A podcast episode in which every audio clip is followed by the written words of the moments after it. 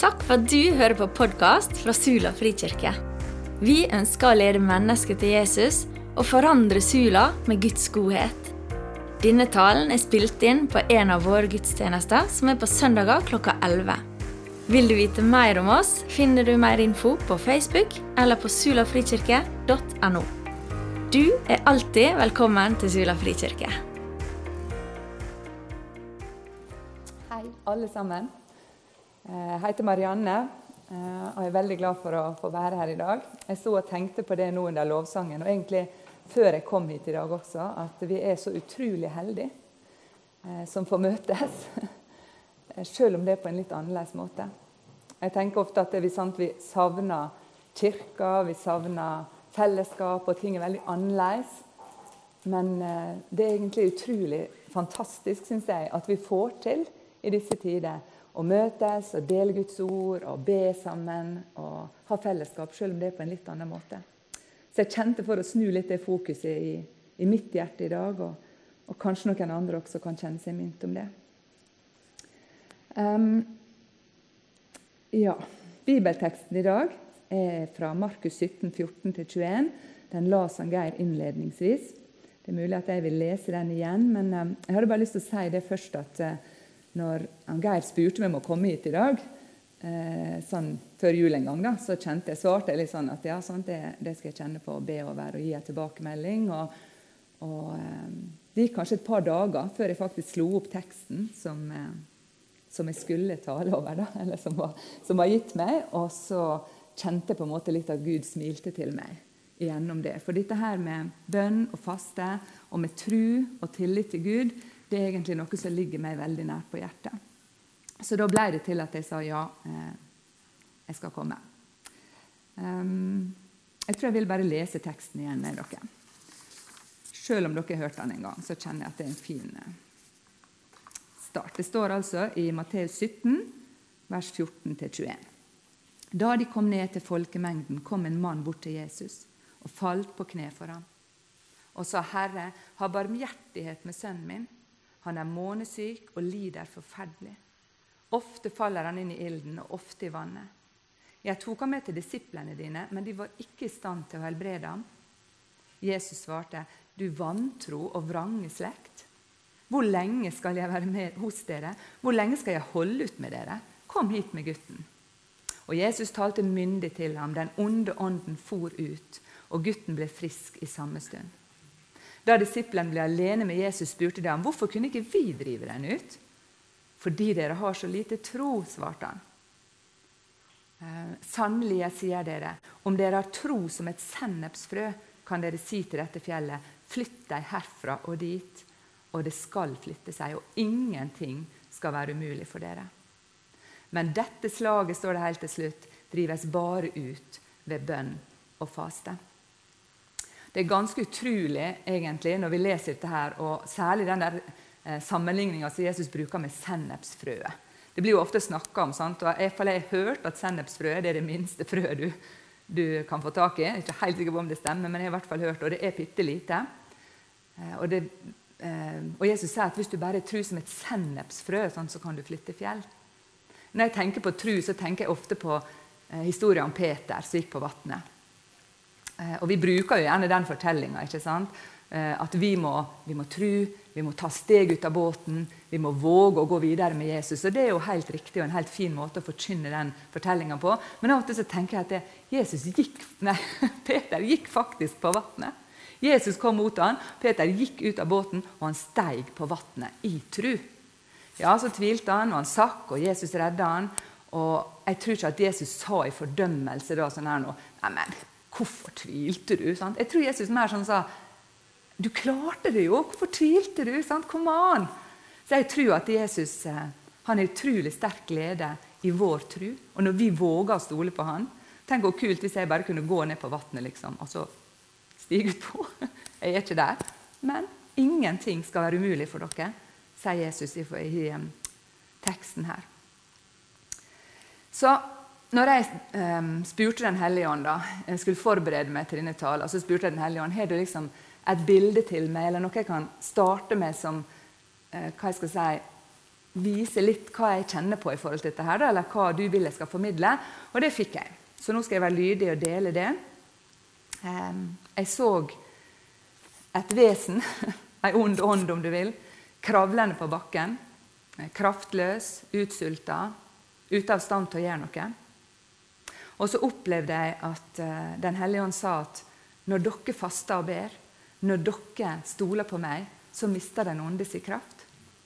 Han mister sin plattform inn i livet dere.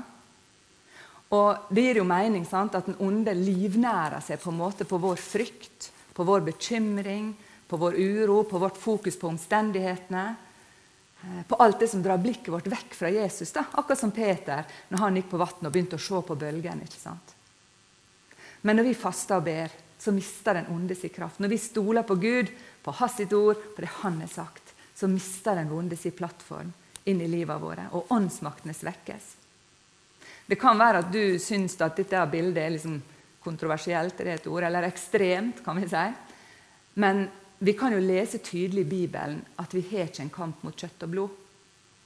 Det står bl.a. i Feserbrevet 6 ikke sant? At eh, Vi har ikke en kamp mot kjøtt og blod, men mot ondskapens ånde her i himmelrommet. Eh, og Jesus snakker jo også i teksten i dag fra Matteus om den onde ånda og befaler den å gå. ikke sant? I Jakobs brev så står det noe om at vi skal stå djevelen imot og han skal fly fra oss. Og Jesus snakker om at vi skal kjenne vår fiende. Ofte så bruker jeg å si at når jeg snakker om dette, så bruker jeg å si og tenke at, sånn vi må kjenne lusa på gangen. og Det er jo et sånt verdslig uttrykk. Men det er noe med å kjenne igjen den onde.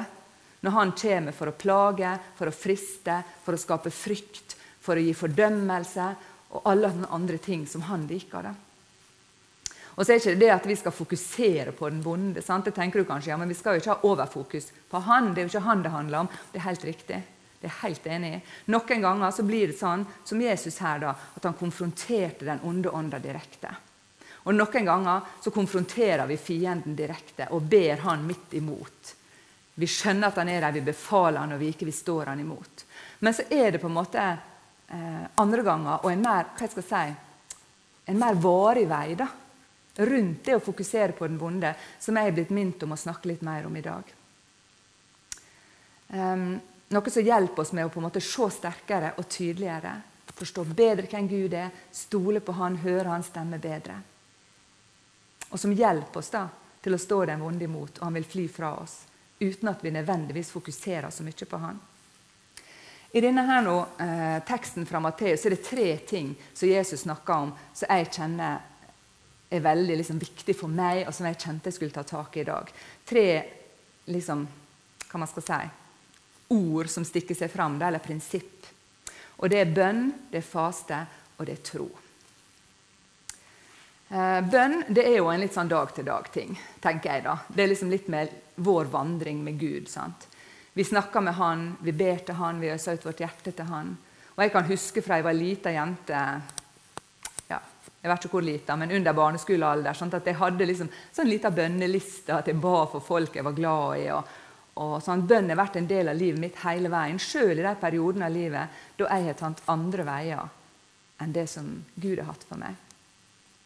Så bønn er på en måte fundamentalt. Det ligger i bunnen for vår relasjon til Gud. Det er livsviktig for oss, tenker jeg. Men jeg skal ikke si så veldig mye mer eller så veldig mye om bønn i dag. annet enn at Det henger veldig nært sammen med det, det andre jeg skal snakke om, og de andre tingene jeg skal snakke om, nemlig faste og tro. Jeg tenker litt som bønn og faste. Det er litt som folde hender. på en måte. Du har bønna, sant? det daglige livet ditt med Gud, og så er du fasta som kommer inn og komplementerer. Som kommer inn og gir tyngde bak i en del ting i livet. Da. Jeg skal komme litt tilbake til det. Jeg eh, har ikke drevet med faste hele mitt liv fra jeg var lita jente, som med bønn. Men faste det fikk jeg litt taket på. eller Den hellige ånd begynte å tale til meg om det for kanskje sju-åtte år siden. Um, og jeg begynte å praktisere faste på, på det tidspunktet. da. Uh, og et av de versene, eller et av de, de prinsippene i Bibelen, eller det Jesus sier i Bibelen, kan vi si, som jeg ble minnet om da, som dere helt sikkert har hørt før. Sant? Det står i Matteus 6 i Bergprekena, tror det er vers 5, der Jesus først begynner å snakke om 'når dere ber'. Og så kommer han med noen prinsipp ikke sant? når dere ber, og så sier han litt om det. Og så litt lenger nede så sier han unnskyld, når dere faster. Og Jeg har ikke tenkt å gå inn på prinsipper som Jesus kommer inn på der, men jeg har bare lyst til å løfte fram at det er bønn, og det er faste, og det er når vi ber, og når vi faster. Det henger sammen, dette her, dere. Og jeg sier ikke det at vi faster dag til dag, akkurat som bønna, men det er to prinsipp som Jesus ber oss om å praktisere. Ikke bare be, men han sier når dere gjør det. Han forventer på en måte at dette er en del av vårt liv med han. Så tenker jeg på dette med tru. Jeg skal komme litt mer tilbake til fasta. Men hvis vi går tilbake i teksten eh, i, vers, eh, i Matteus fra vers 17 her, så snakker Jesus om sant? du vrange og vantro slekt. Og Det høres veldig sånn strengt ut at han på en måte kritiserer hvor lite tro vi har. Men av og til så kjenner jeg tenker liksom at Jesus ja, Hvis dere tenker på den fortellinga der Jesus sov i båten. Ikke sant? Og Det begynte å storme og blåse, og disiplene ble redde. Og Jesus han sov. Og de vekket han sånn 'Jesus, du, du, må våkne, du må redde oss.' Og Så står ikke dette her akkurat sånn i Bibelen, men jeg tenker meg at Jesus liksom tenker sånn Kjenner ikke dere meg? Eller vet ikke dere hvem jeg er? Vet ikke dere hvem som er i båten med dere? Og Jeg tenker ofte at jeg, jeg vil gjerne ha en sånn tru at når det stormer, så kan jeg legge hvis, hvis jeg ser at Jesus sover i båten, så kan jeg med trygt sove. For når kongenes konge har ro til å sove i stormen, så kan jeg stole på at da kan jeg det med. Og Jesus snakker også om sant, som jeg var inne på her, at det, hvis du tror som et sennepsfrø, så kan du flytte fjell. Og I Markus 9 så snakkes så denne historien her gjenfortalt, eller referert til fra en litt annen vinkel. Og Da blir Jesus sitert sånn Om det er mulig for meg, spør han. Alt er mulig for den som tror. Eh, og For meg så henger dette med bønn og faste veldig nært sammen med tro. For tru det bruker jeg ofte å tenke på som ja, tru er liksom et stort ord. Men jeg tenker på tru som tillit til Gud. da, Å stole på Gud. Det er det trua mi handler om. Og Et vers som har vært veldig viktig for meg i, i den sammenhengen, det står i 1. Johannes 5,4. Og Der står det for alt det som er født av Gud, seirer over verden. Og dette er den seier som har seiret over verden, vår tro.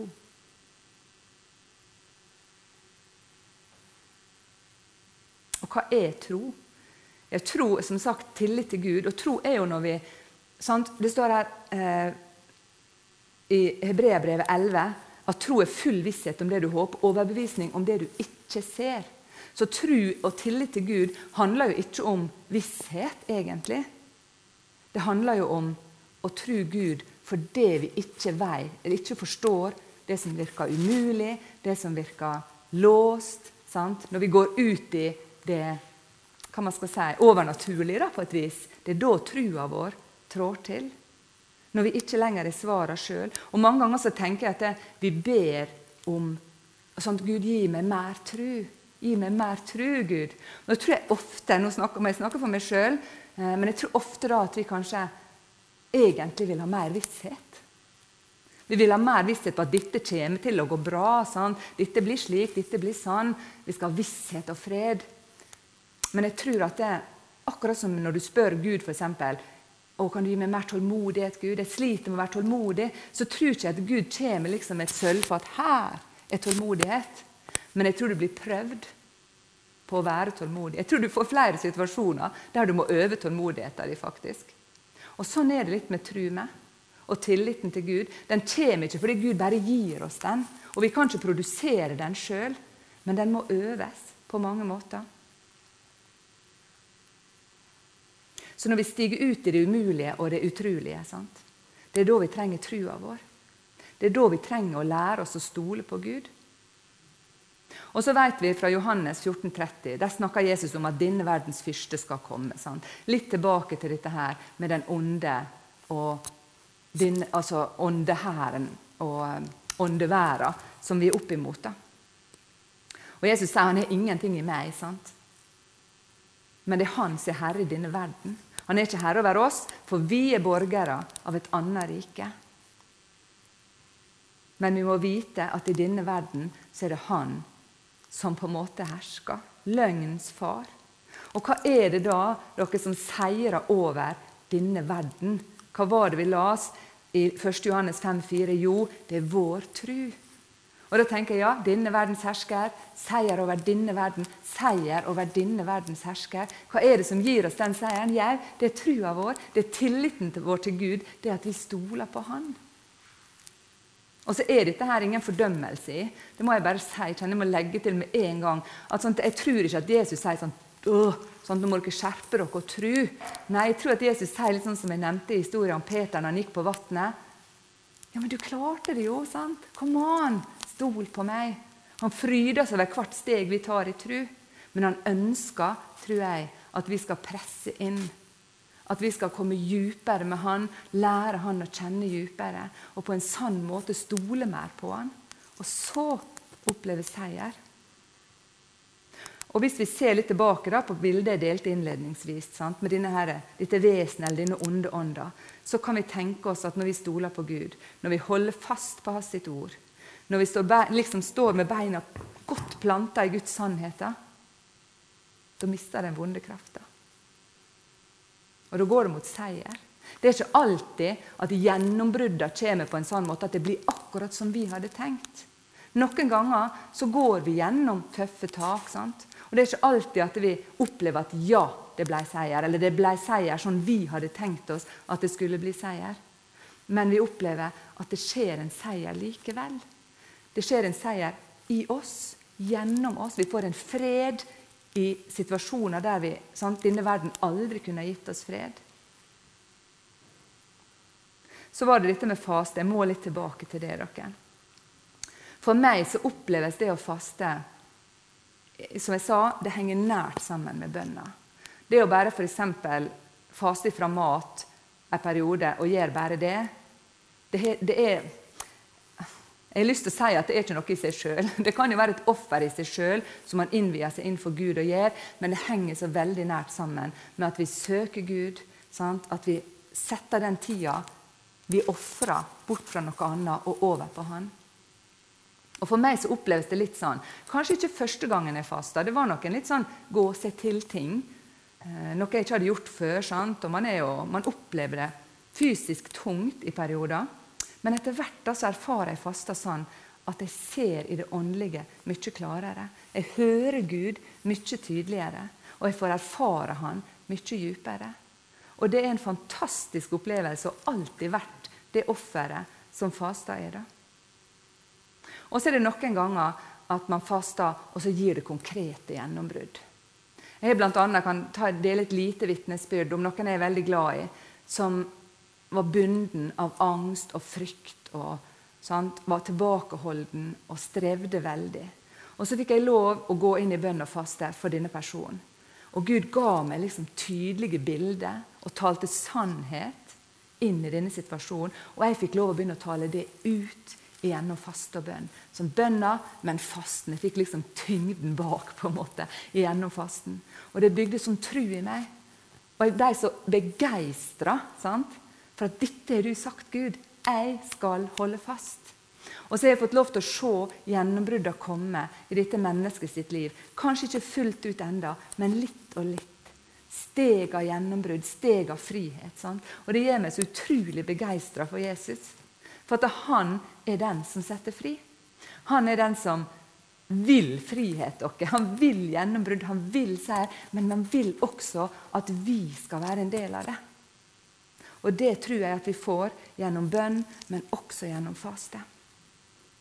Og så er det en annen ting gjennom fasten som jeg har vært litt inne på, men som ikke bare handler om å få et gjennombrudd i bønn, men som handler om hva det gjør med meg personlig. Um, noen av dere som eh, hører på, helt sikkert, vet helt sikkert at vi tok en disippeltreningsskole som familie i 2012. Hvis dere ikke vet og ikke vet hva det er, så er det en skole med ungdom i oppdrag. En slags misjonsutdanning, men også en disippeltrening som går veldig sånn på djupet. Der du får mye undervisning og mye djup djupundervisning på tilgivelse, på bekjennelse, på legedom av sår på sjela osv. Eh, og dette var vi gjennom samt at jeg og mannen min tok et hjertefokuskurs året før som handla om mye av det samme. Da. Det går liksom på djupet. Så når vi kom igjen fra DTS, og det var omtrent på denne tida her at jeg begynte å praktisere fasen, så hadde jeg en veldig vanskelig relasjonell situasjon eh, i livet mitt. Eh, og det var veldig låst, og det var veldig vondt. Og det dreier seg om tilgivelse, legedom av sår på sjela påført av mennesker. sant? Men så var det under første faste, jeg tror det var første gang jeg fasta, så opplevde jeg at Gud ga meg noen ord inn i denne situasjonen. Og jeg begynte å bruke dem, da, begynte å proklamere dem. Eh, og så var det folk rundt meg, til og med kristne folk. Ikke at det var noe fordømmelse i, men til og med folk som deler min tro, som sa dette tror jeg kanskje du må slippe. Det er ikke alt som går an å på en måte komme gjennom med. Det er klart Du kan få tilgitt, du kan bli fri sjøl, men å gjenopprette relasjonen nei, det er ikke alt som er mulig. Men så kjente jeg at det reiste seg en tro i meg dere, gjennom fasen. da, Tyngden som kom gjennom fasen. Og jeg bare opplevde eh, at Gud liksom minte meg om skulle noe være for vanskelig for meg. Er min hand for kort til å frelse? Og så Fra ordspråka så står det noe om ikke sant, at det, du skal ikke stole på din egen forstand, men stol på Herren din Gud av hele ditt hjerte. Og jeg bare kjente at ja, men Gud, Hvis du sier at alt er mulig for den som tror, at de han aldri får kort å frelse, hvorfor skal jeg da si at nei, dette er sikkert ikke mulig? Og så holdt jeg fast da. over tid og flere faste perioder. altså. Selv om jeg mange ganger måtte si sånn som um, um, han her er mannen i ja, nå husker jeg ikke helt hvor det står, men det er en mann som ber Jesus om et mirakel. Sant? Og så sier han eh, Jeg tror, men hjelp meg med vantru. Og mange ganger måtte jeg si det. Hjelp meg med vantru, Jesus, for det var smertefullt, det var vanskelig, det var tungt. Men vet dere hva? Det ble seier. For det er ingenting umulig for Gud. Og jeg tenker at Det var en som sa en gang, og det synes jeg er så utrolig fint sitat, Du kan aldri stole for mye på Gud. Tenk på det, da, Smak på den. Du kan aldri stole for mye på Gud. Vi har menneskelige begrensninger. Vi kan streve med 'jammen'. sant? 'Hvordan skal det være mulig?' og 'nei, dette her er jo altfor vanskelig'. Og... Men det handler om trua vår. Dere. Det handler om å stole på Gud i forhold til hva Han har sagt. Og så holde fast på det sjøl om denne verden bare skriker. Verden drar på håndbrekket. Sant? Kanskje til og med forstanden din drar opp håndbrekket og sier nei, dette er ikke mulig. Men hvis vi skal tro at ingenting er umulig for Gud, hvis vi skal tro at alt er mulig for den som tror Som Jesus sier her i denne teksten sant? Tro som et sennepsfrø. Det er ikke så mye, det. Så skal dere kunne flytte fjell. Jeg syns det er så utrolig inspirerende, akkurat dette her med tro og tillit til Gud. Og så kan man ofte si at ja, det kan jo være at du tror ting, og så er ikke det Guds vilje. Noen på en måte står på og står på i noe, og så er ikke det fra Gud. Og Det er et spor man kanskje kan komme ned i. Det kan være. Men det gjelder da, tenker jeg, å ikke bare be, men legge til fasten. Sånn at du kan høre litt tydeligere hva er det Gud sier til meg. Hva er det som er hans vilje? Lær å kjenne hans hjerte. For han er en god Gud, han er en rettferdig Gud. Og han er en Gud som vil lede. Um, og så tror jeg da, Kanskje du kan på en måte si at ja, men det å liksom bygge tru, det å komme dypere med Gud, det å bli forandra fra innsida, det er jo en del av vår helliggjørelse. Eh, hva har fasten liksom, hva, Er det nødvendig? sant? Vi vokser jo i tru med Gud når vi vandrer på veien med Han uansett. Og det er helt riktig. Jeg er helt enig. Men hvis dere husker på en måte fra 80- og 90-tallet hadde vi kassettspillere. for dere som husker det. Og Da var det sånn her spol fram-knapp. FFW, var ikke det? Fast forward. Som du trykte på hvis du ville spole forbi en sang. Og Jeg opplever litt at Fasta har en sånn fast forward-funksjon. da. At det på en måte setter på litt trøkket bakafra. At det går litt fortere, at det skjer noe som du kan erfare gjennom bønn, men som det akkurat som det den hellige ånd blåser sin vind i ryggen på deg når du faster. Ikke nødvendigvis alle som opplever under fasen at det, å, dette er så fantastisk. Nei, det kan være tøft fysisk. I alle fall hvis du faster fra mat. da. Men jeg opplever at i det åndelige så er det på en måte noe så, en dimensjon som åpner seg, som du på en måte eh, ikke får ellers. Og så tenker jeg også at tru var litt inne på det. Sant? At vi øver trua vår. Og hvis du kanskje har gått opp så har du gått opp Bratteråsa Vaskom, opp fra Vasskummene, eller en annen plass på fjellet som du liker å gå. Så er det jo sånn at Når du har gått én gang, du har gått to ganger, så har du gått kanskje 20 ganger og 40 ganger, så blir det lettere. Fordi kroppen vår, muskulaturen blir styrka, kondisjonen blir bedre. Og vi trener kroppen og mestrer bedre. Vi blir sterkere. Og sånn er det med tru, tror jeg. Jeg, tror en, jeg, bruker, altså jeg liker å tenke på tru som en muskel da, som trenger trening.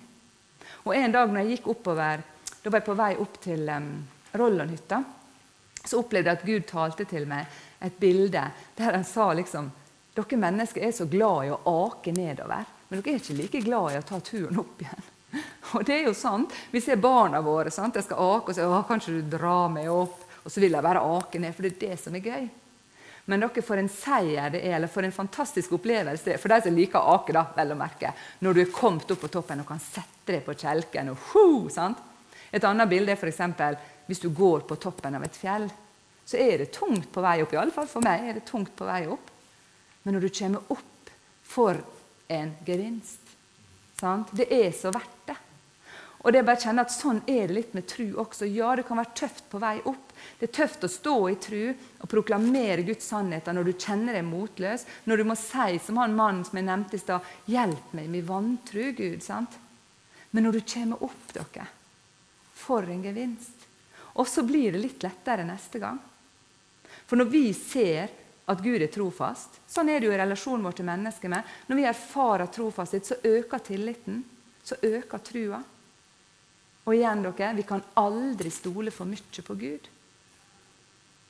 Så faste og bønn det er på en måte en del av treninga, tenker jeg.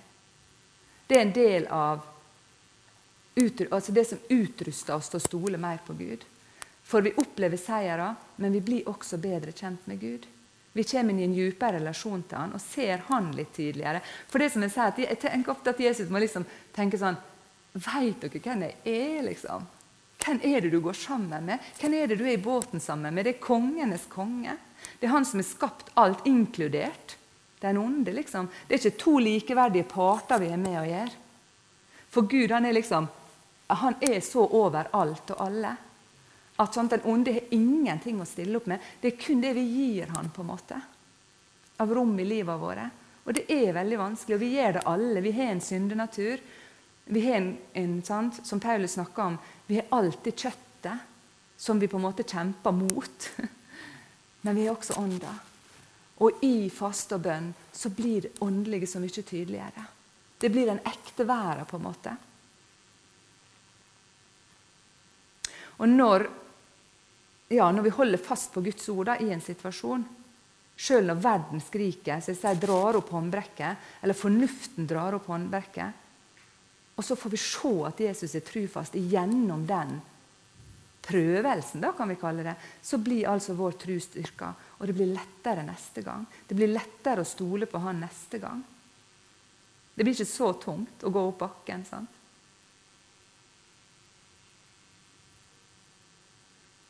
Så det er mye som kunne vært sagt om både viktigheten og effekten av fast og bønn. Men det er dette Gud har lagt meg på hjertet i dag.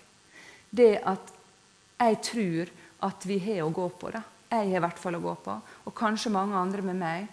Eh, det kjenner jo dere sjøl, selv, selvfølgelig, men vi har å gå på i forhold til å, å, presse inn. Vi vil jo ikke bare i eget liv, men for bygda vår og for mennesker vi er glad i. Vi ønsker å se, sånn, som, som, ofte blir snakka om her, at øya, at mennesker blir for, forandra, forvandla ved Guds godhet. Og jeg tror at faste og bønn sammen er en nøkkel og et våpen imot den vonde, slik at han mister sin kraft. Ofte når jeg ber for eh, øya her, da, og barn og unge ofte liksom noe ligger meg på hjertet, så opplever jeg på en måte at Den hellige ånd leder meg til å be om lys inni krokene. på en måte. Der den onde skjuler seg. I heimer, i ungdommer sitt liv. Sånn at det er så mange som har det vanskelig. Og dette er ting som Gud på en måte viser meg Spesielt når jeg faster. Selvfølgelig også i bønn ellers. Men sånne ting som jeg bare tar fram igjen og igjen. Sant? Jeg taler lys inn i krokene, Gud, inn i heimene. Befaler den onde å komme fram i lyset, bli avslørt, miste sin kraft. Det er så viktig at vi er med og kjemper. Vi er som en hær. sant? Utrusta. Ser for meg, Jeg er veldig glad i sånne filmer som 'Ringenes herre'. For og jeg ser for meg sånn skulder mot skulder ikledd rustninga. Jesus er hærføreren. sant? For vi har ikke en kamp mot kjøtt og blod, men vi har en kamp. Og jeg kjenner, og jeg kjente liksom en bønn i mitt indre fra jeg var veldig ung. Jesus, ikke la meg stå på sidelinja, men jeg vil være med. Og det tror jeg mange kjenner på. Og så kan vi da få oppleve, sant, hvis vi skulle møte på bare for å ta med det også. Jesus avslutter det han sier i Matteus 17 her. Sant? At det er noen denne sorten, eller skal vi se hva var han akkurat skal jeg sitere det riktig. Han sier dette slaget drives bare ut ved bønn og faste. Skulle vi møte på det slaget dere, og føle at vi stanger imot Jesus, hvorfor nytter ikke det å be? Så kanskje faste er det du trenger for å komplementere. For å bli trygg i tru og for å kjempe gjennom, så den vonde mister sin kraft. Så jeg tror jeg vil bare avslutte, eller i hvert fall gå inn for landing, med å, å oppmuntre dere til å prøve faste. Det er ikke alle som kanskje kan faste fra mat. Det er mange måter å faste på. Vi har brukt å faste tre uker i begynnelsen av året. En delfaste der vi innvier oss for året som ligger foran. Eh, jeg og mannen min og flere med oss. Um, og så har jeg prøvd å faste kanskje to-tre dager fullfaste for spesielle ting. ikke sant? Ting jeg er blitt minnet om. Men du kan velge å faste kanskje en halv dag i uka, eller du kan faste helg i måneden. Eller du kan gjøre alt dette her. det kan ikke bli for mye. det tror ikke jeg. Um, men hvis du ikke kan faste fra mat, så kan du faste fra andre ting. Sosiale medier, TV, altså alle disse tinga som vi bruker egentlig så veldig mye mer tid på enn vi tror. Det kan vi faste fra. Det kan være en dag i uka det, uten skjerm. Der all den tida jeg ville brukt på skjerm, den bruker jeg for å innvie meg innenfor Gud. Det er mange måter å gjøre det på, men jeg vil virkelig anbefale det. Kanskje er det ikke sånn at første gang du faster, eller andre gang, så kjenner du ja, men det skjedde jo ikke noe spesielt. Av og til så ser vi fruktene i ettertid, men jeg er i hvert fall overbevist om at det virker.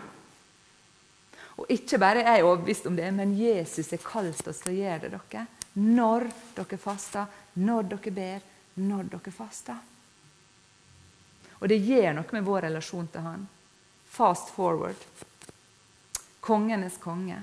Han som forteller oss alt vi trenger å vite. Jeg synes Det er så herlig. Det står noe om i Bibelen eh, om Den hellige ånd, sant? Som kjenner dybden i Gud. Han bor i oss. Han skal fortelle oss alt vi trenger å vite. Og jeg våger i hvert fall påstanden at når du faster, så hører du han litt bedre. Da ser du litt tydeligere. Og så erfarer du nye ting med han som kanskje ville ha tatt både lengre tid, eller kanskje faktisk ikke hadde skjedd hvis du ikke brukte den tida. Så sett av tid til han, bli bedre kjent med han og få en styrka tillit. For det å bygge tru, det blir gøy. Det er tungt en stund, men så er jeg helt sikker på at folk som går ofte på fjellet Etter hvert så Ja, det er kanskje tungt i bakkene, men det blir gøyere og gøyere å gå, for du liker det.